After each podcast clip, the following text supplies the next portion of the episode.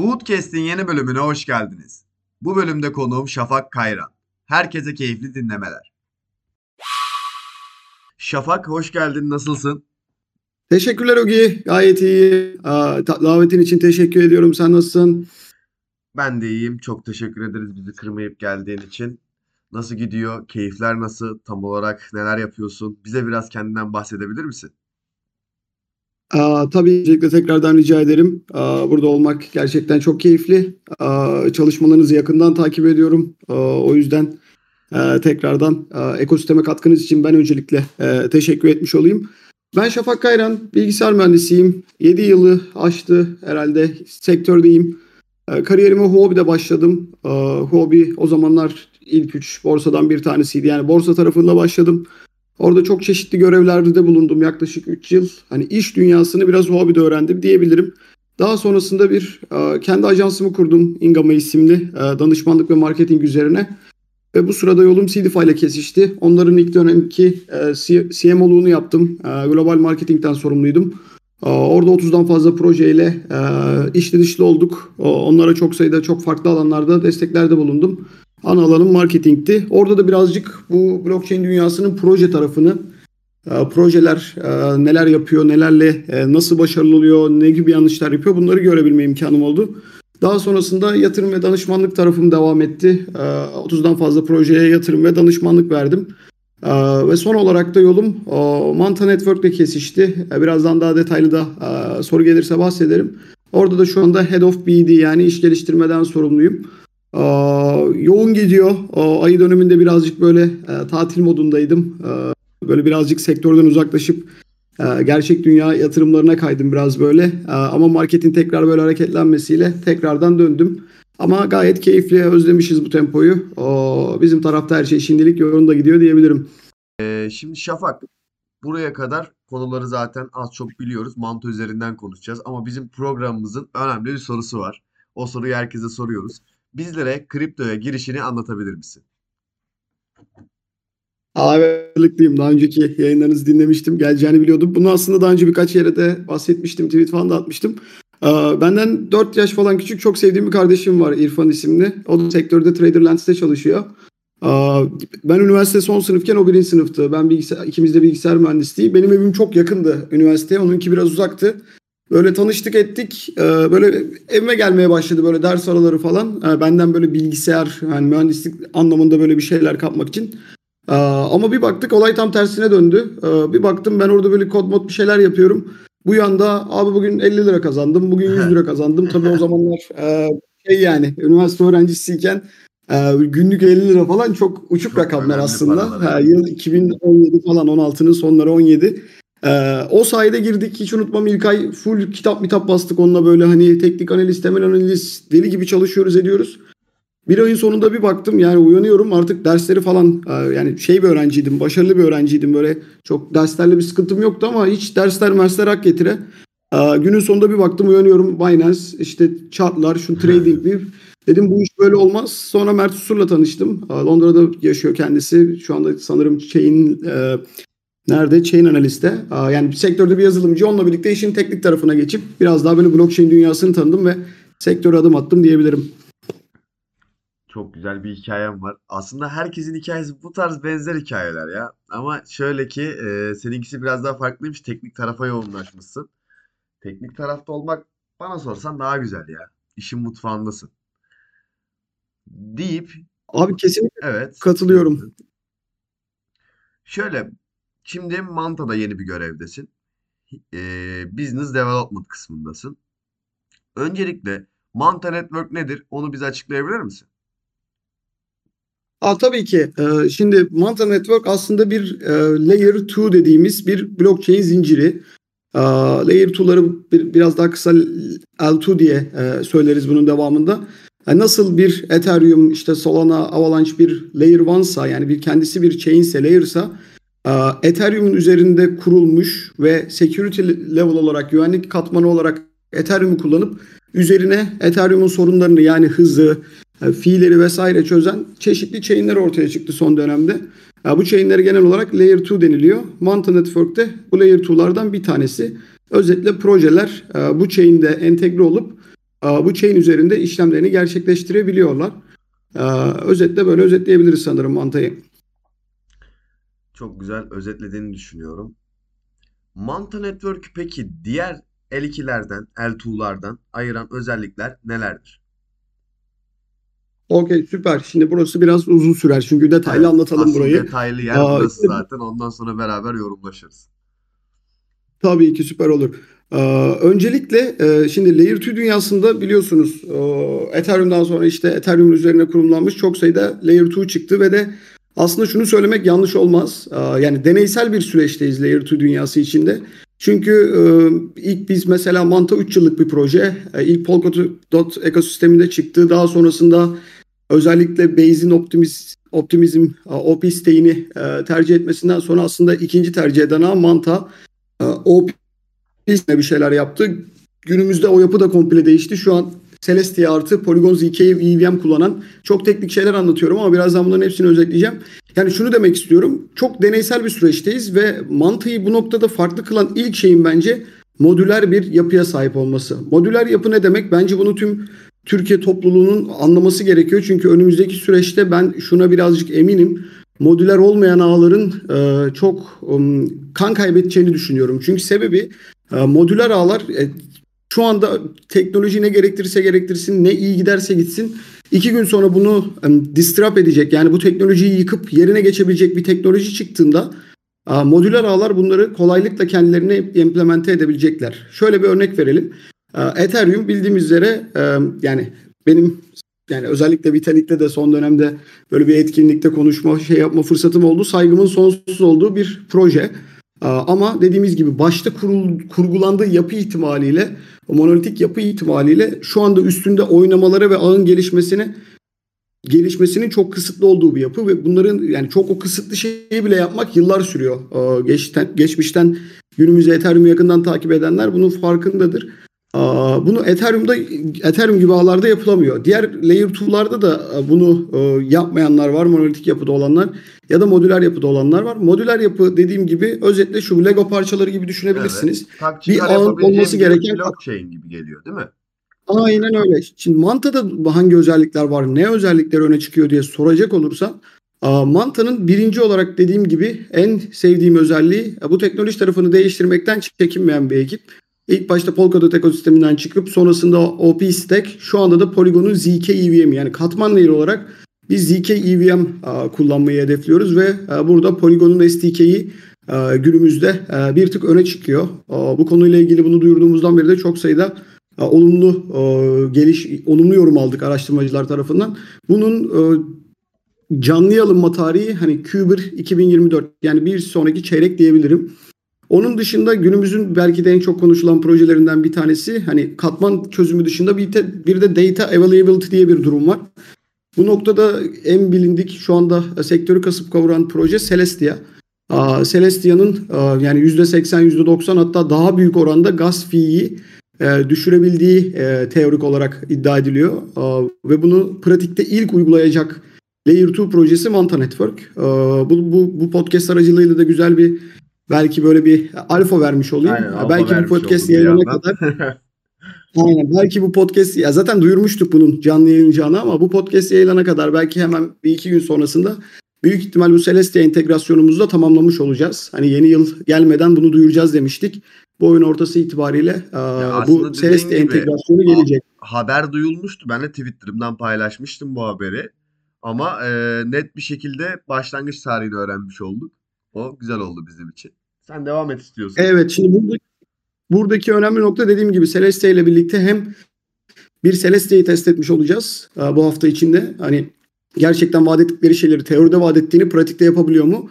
Hem de e, Manta Network'ün e, bunu implemente edip başarılı sonuç alması diğer Layer 2 ekosistemi için de önemli olduğunu düşünüyorum. Burada modülerliğin ne kadar önemli olduğu tekrar böyle gözler önüne serilmiş olacak diye düşünüyorum. Peki siz ne yapıyorsunuz? Hani Celeste'yi almışsınız, onu almışsınız, bunu almışsınız. E siz bir şey yapmıyor musunuz ha? E, gibi böyle düşünenler olabilir. Hayır biz de işin ZK tarafındayız. ZK dediğimiz Zero Knowledge Proof teknolojisi yani sıfır bilgi is- ispatına dayanan teknolojiler. Bu şu demek privacy'ye, gizliliğe önem veren yapılar. Yani biz siz bir bilginin ne olduğunu paylaşmadan bilgiyi bildiğinizi karşı tarafa ispat etme diye özetleyebiliriz. Yani özellikle günümüzde hem e, Web2 dünyasındaki işte data ile ilgili sorunlar hem Web3 dünyasındaki sorunlar yani ZK'in gerçekten e, ileride hayatımızın bir belki ütopya ama e, her şeyin ZK te- temelli ya da olabildiğince her şeyin ZK temelli olmasını herhalde herkes e, birazcık e, böyle kendisine gizliliğe önem veren herkesin e, ihtiyaç duyacağı bir yapı olduğunu düşünüyorum. Biz de burada ZK çözümleri geliştiriyoruz. ZK Shuffle gibi. Ee, Yani bu 3 3 4 dediğim gibi o logo parçası bir araya getirerek bir ağ bir yapı oluşturuyor. Ve bugünlerdeki amacımız dediğim gibi belki yine diğer L2'lardan bizi ayıran özellik e, ekosistemde çok aktif bir iş geliştirme yapıyoruz. Şu ana kadar biz mainnet'e 3 ay önce çıktık. E, 150'den fazla deploy oldu. O dip- 150'den fazla deploy olan proje var üzerimizde. Bunlar çok çeşitli projeler. DeFi var, SocialFi var, e, Gamify var, Infrastructure var, Tooling var. Yani hani çok sayıda farklı alandan 150'den fazla proje daha 2,5-3 ayda üzerimize entegre oldu. Bu büyüme hızını hem teknik anlamda hem um, komünite anlamında e, desteklemek istiyoruz. Çok sayıda da farklı etkinlik, kampanya yaptık. E, Böyle farklı nasıl diyeyim kullanım alanları sunduk kullanıcılarımıza. Çünkü hala e, günümüzde biraz daha böyle layer 2'lar vesaire Degen dediğimiz hani böyle bu işin dibinde böyle hani çok böyle sizin gibi alfasında olan insanların birazcık böyle bildiği, kullandığı yapılar. Biz bunu biraz daha genele yay- yaymak istiyoruz. Çünkü genele yayarak e, büyüyebileceğimizin farkındayız. Yoksa sadece eldeki kitleye oynayarak e, ekosistemi değiştiremeyiz. E, bu noktada son şeyi söyleyeyim. E, ben şuna inanıyorum. Bu soruyu geçen de tartıştık birkaç böyle Twitter Space'te. Hani ileride insanlar hep şu hayal satılıyor. Bu özellikle böyle boğa piyasası geldi edildiğimizde yeni 1 milyar kullanıcıya oynayan proje biziz. Onu getirecek proje biziz. Ya da bu 1 milyardan pastadan pay alacak proje biziz. Böyle hep böyle projelerin dilinde bir yeni 1 milyar kullanıcı, 1 billion kullanıcı böyle user söylemi var. Şimdi bu söylemi günümüz yani bu- bunu marketing diliyle söylüyoruz ama teknolojik olarak destekleyebilecek elimizde hiçbir şey yok. Yani bugün 1 milyarı geçtim 100 bin yeni kullanıcı gelsin.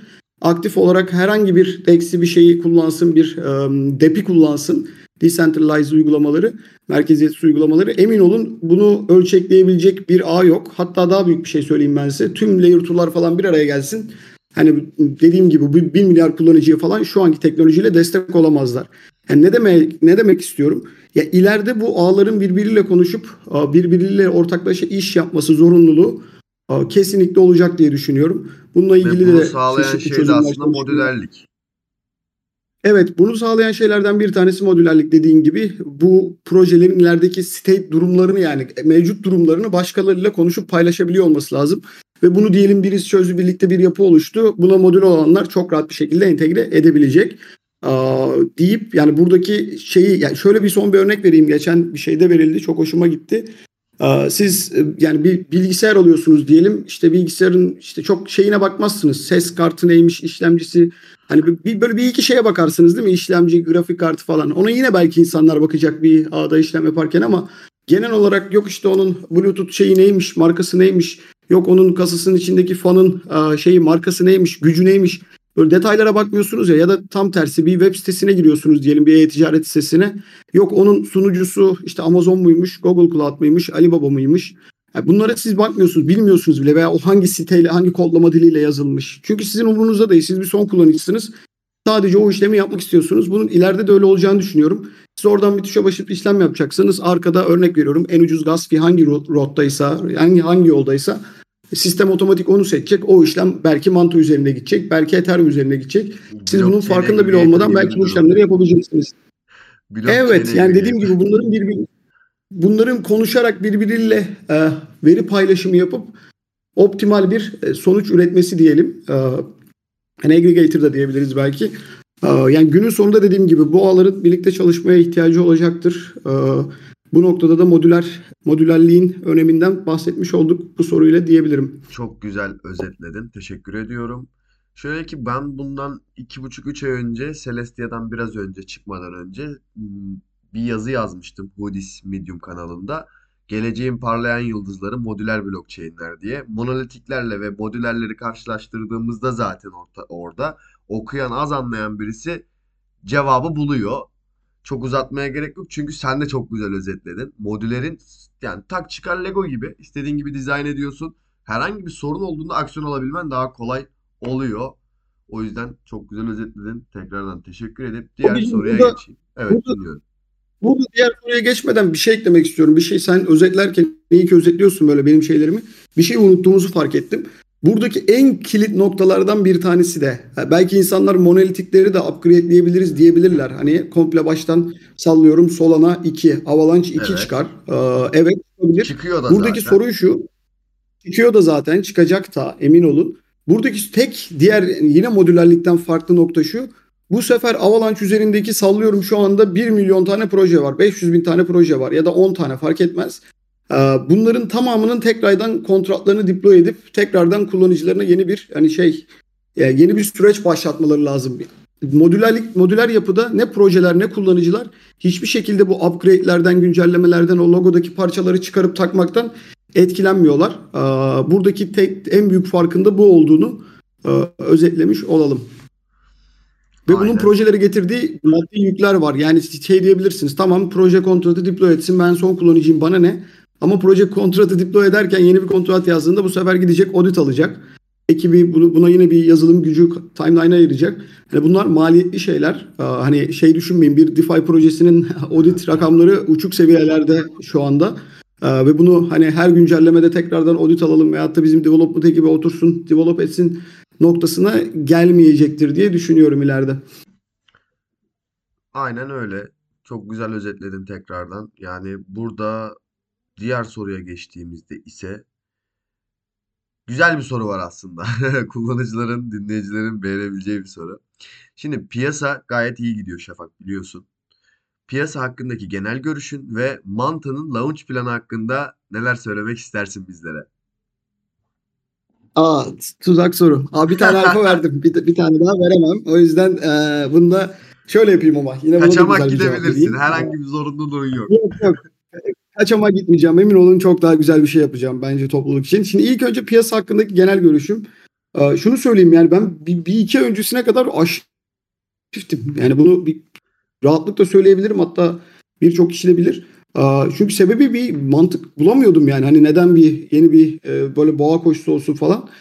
Beni döndüren nokta neresi oldu? İstanbul'daki bu Dev Connect haftası ve öncesindeki Binance e, Blockchain Week.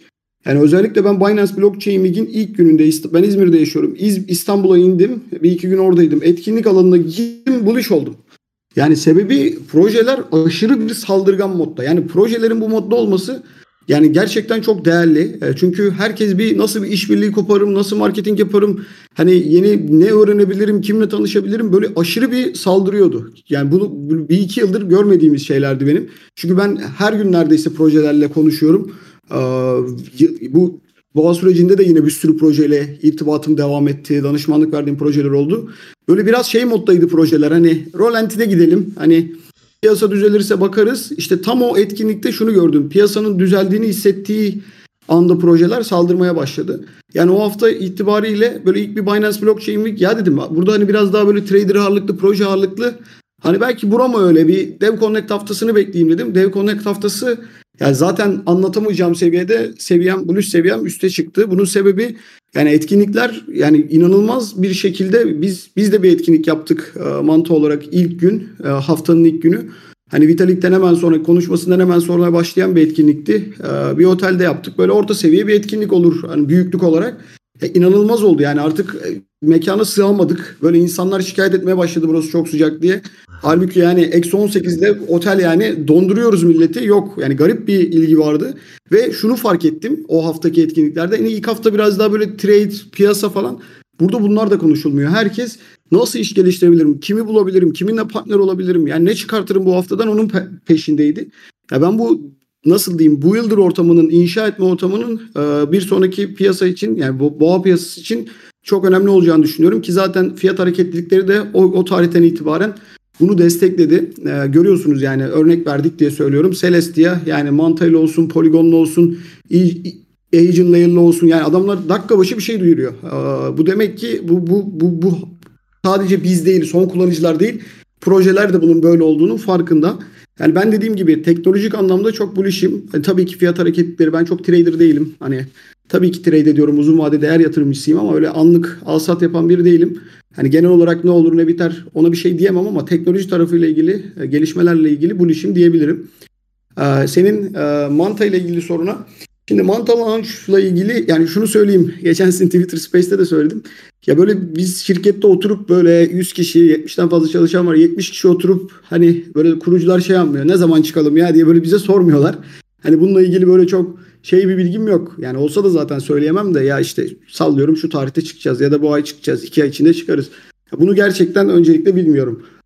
Ama şunu söyleyebilirim. Yani geçmişteki e, mainnet performansımız 3 ay 3 aydaki mainnet performansımızla böyle projelerin çıkış için şöyle bir şey vardır. Yani üzerinde bir kullanıcı olmasını isterler, projelerin deploy olmasını isterler, TVL isterler. Yani böyle bir gereklilikler vardır. Yani ben yavaş yavaş bu gereklilikleri e, böyle sonuna yaklaştığımızı düşünüyorum. Çünkü e, ciddi bir kullanıcı sayısına ulaştık, TVL'e ulaştık. Üzerimizde 150'den fazla proje var.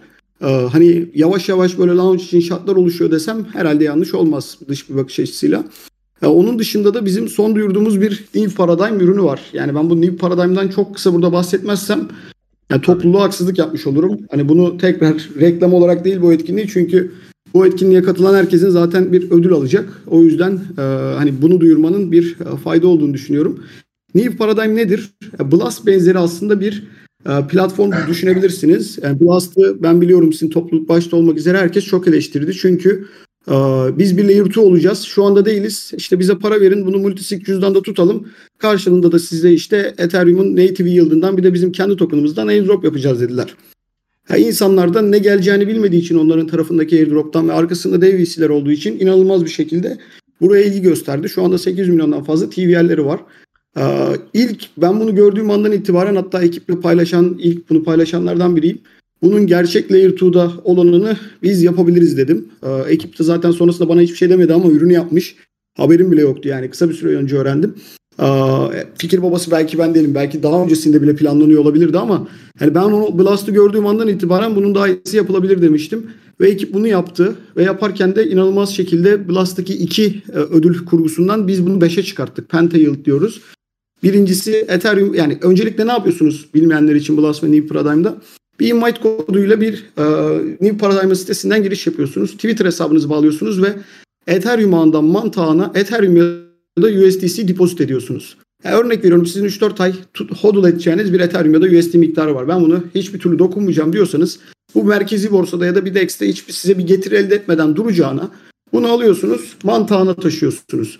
Taşıdıktan sonra siz zaten bu Ethereum'un %4, USDC'nin %5 native yield dediğimiz e, getirisini zaten e, öncelikle alıyorsunuz. Birincisi bu. İkincisi Manta bu iş için 50 milyon e, adet Manta token airdrop yapacağını duyurdu. Yani reward olarak bu, bu kampanyaya katılanlara ağırlıkları yani katılım ağırlıklarını oranla ödül dağıtacak. Bu token ekonominin %5'i gibi inanılmaz büyük bir rakama tekabül ediyor. Yani buradan gerçekten güzel ödüller gelebilir katılım oranına ve sizin aktifliğinize oranla diyeyim. Onun dışında ekosistemdeki DeFi ürünlerin hani bizim dediğim gibi Blast'tan en büyük farkı Manta'ya depozit yaptıktan sonra bu varlıkların kontrolü sizde. Bir multisig cüzdanda değil. Yani siz gidip o tokenlarla o taşıdığınız Ethereum stone olarak geliyor. USDC'de WUSDM olarak geliyor. Bunları ekosistemdeki DeFi ürünlerinde vesaire kullanabilirsiniz. İşte oraya likitte sağlayabilirsiniz. Hani ve benzeri ve benzeri ya da risk taking gibi bir sürü farklı kullanım alanı var. Bunun dışında bir de ekosistem projelerinin çıkıp işte hani oluyor ya eskiden. Daha bugün de çok görüyorum. Solana Davax'ta da bir airdrop hype'ı gelecek gibi. Burada da bizim ekosistemimizden çıkacak native işlerin örnek veriyorum bir oyun projesi, bir social fi, bir DeFi.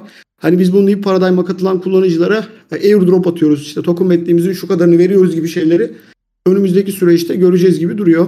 Yani burada bir ödülün belli olduğu hani farklı layer 2'larda biliyorum. Tüm topluluk şeyden şikayetçi. Bizi işte bir sürü görev yaptırıyorlar ne olacağı belli değil. Neyi yapacağız işin içinden çıkamadık. Burada öyle bir şey yok. En azından ödül havuzu, ödül miktarı belli. Garanti bir şey kazanacağınız bir etkinlik var. E, topluluğa en azından bunu tanıtmış olalım. E, bir siteden değerlendirebilirler. Gidip bakabilirler New Paradigm'a. E, invite kod vesaire lazımsa da size falan ulaşsınlar. Bize ulaşsınlar. Bir şekil invite kod e, çözmeye çalışırız herkese. Gayet güzel açıkladın yine. Teşekkür ediyorum. Ee, New Paradigm etkinliğinde de katılmayı ihmal etmeyelim arkadaşlar. Gayet net bir şekilde konuştu Şafak. %5'i Tokenomics'in ödül olarak atılacakmış. Bunu da öğrendikten sonra sana ekstra bir sorum var benim. Yani bugüne kadar çok sayıda projeye danışmanlık verdiğini biliyorum. Türk projeleri hakkında ne düşünüyorsun? Onlara vermek istediğin bir tavsiye var mıydı? Sadece projeler değil, komüniteye de aynı şekilde vermek istediğin tavsiyeler var mıdır? Okey abi community ile başlayayım. Community senin ilk başta dediğin bir söz vardı. Hani teknoloji tarafına kaymanı değerli buluyorum diye. Abi birazcık böyle hani biz Türk topluluğu olarak sayımız fazla ama aa, böyle işlem gücümüz az olduğu için böyle birazcık daha böyle global projeler tarafından tırnak içinde amiyane kullanılıyoruz. Hani böyle bizi bir topluluk gücü, bizi bir booster, onların böyle rakamlarını şişirecek bir şey olarak görüyorlar. E, tabii ki bu da kötü bir şey değil. Aa, ama ben biraz daha insanların bu işin teknik tarafına yönelmesini, kendi yetkinlikleri doğrultusunda bu projelerde görev alabiliyorlarsa ki bizim sektörde herhalde yüzden fazla iş title'ı vardır, ünvanı vardır. Hani buralarda böyle kendi bilgilerini sadece böyle trade'le e, veyahut da işte NFT, alfa kovalayarak değil birazcık daha böyle bu işin teknik tarafına geçebilecek olanları tabii ki bu herkese hitap etmiyor. Geçmelerini e, öneriyorum. Diğer kitlenin de çok sosyal medyada sağda solda hani böyle milletin ağzından böyle ne alsak ne etsek değil de tabii ki milleti de dinleyip milletten işte senin o yani aylar önce yazdığın modüler yazısından hani kontesti anlayıp ama modüler hangi projeler varmış ben bunu bir araştırayım. İşte Celestia bunların hepsine bak hizmet ediyormuş. Buradan bir şey olur mu gideyim bunu araştırayım gibi keywordleri araştırarak birleştirerek kendilerinin böyle bir yatırım planı oluşturmasını önerebilirim topluluğa. Proje tarafına yani bu soru şey bir soru, tuzaklı soru benim için. Yani açıkçası ben söylemekten çekinmem. Ben Türk projelerinin e, kendim de dahil olduğum, hani kendimizin de e, belki çoğunu, yani ben çok Türk projesine de gönüllü destek oldum vesaire. Kendimize de böyle iğneyi batıralım. Yani hiç başarılı olduğunu düşünmüyorum globalde. Hiç dedim. Yani bunu bilerek, altını çizerek, vurgulayarak, büyük harflerle söylüyorum. Bunun sebebi yani ben görüyorum yani hani yurt dışındaki her projeyle konuşurken şimdi bir Kore'de mesela Gamify diyoruz. Game, gaming dünyasında hani Kore belki ipi başta çekiyordur. Ama Türkiye'de çok büyük bir e, pazar aslında oyun dünyası için. Hani çok iyi teknoloji firmalarımız vesaire var. Ama Türkiye'den biz oyun alanında dair olmak üzere böyle tüm dünyanın konuştuğu, ettiği, ilk bilmem kaça girmiş, çok büyük borsalarda listelenmiş veya çok iyi kullanıcı sayılarına ulaşmış çok iyi işler çıkaramadık. Tabii ki böyle bir iki başarılı işimiz, iki üç başarılı işimiz vardır. Hani te- tekrar diyorum. Ben genel olarak böyle iğneyi herkese batırma ta- şeyiyim. Ya çok böyle aşırı başarılı değiliz projeler tarafından. Bunun öncelikli sebebinin ben şu olduğunu düşünüyorum. Yani biraz bizim projelerde şey var. Hani böyle biz bizim işte ufak bir topluluk vesaire kurmak bizde çok kolay. Çünkü Türk'üz. Herkes böyle birbirini tanıyor. Birazcık böyle Türk şeyi CT'si iyi. Ona bir lafım yok. Özellikle böyle sizin gibi yapılar, bizim gibi insanlar var. Böyle bunlar her türlü projeye destek vermek istiyorlar ama bizim projeler bunu birazcık yanlış anlıyor.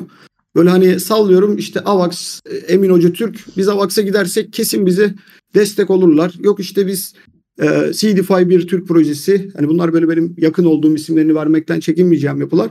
Onlara gidersek bizi listelerler. Ama günün sonunda iş böyle olmuyor. Yani hani her siz Türksünüz diye Avalanche veya CDFI veyahut da borsalar gidip e, Paribu BTC Türker Türk projesini listeleyecek diye bir şey yok. Ya benim ilk gördüğüm projelerin birazcık böyle hayal dünyası. Bize herkes destek olur. Biz her şeyi başarırız kısmında olması.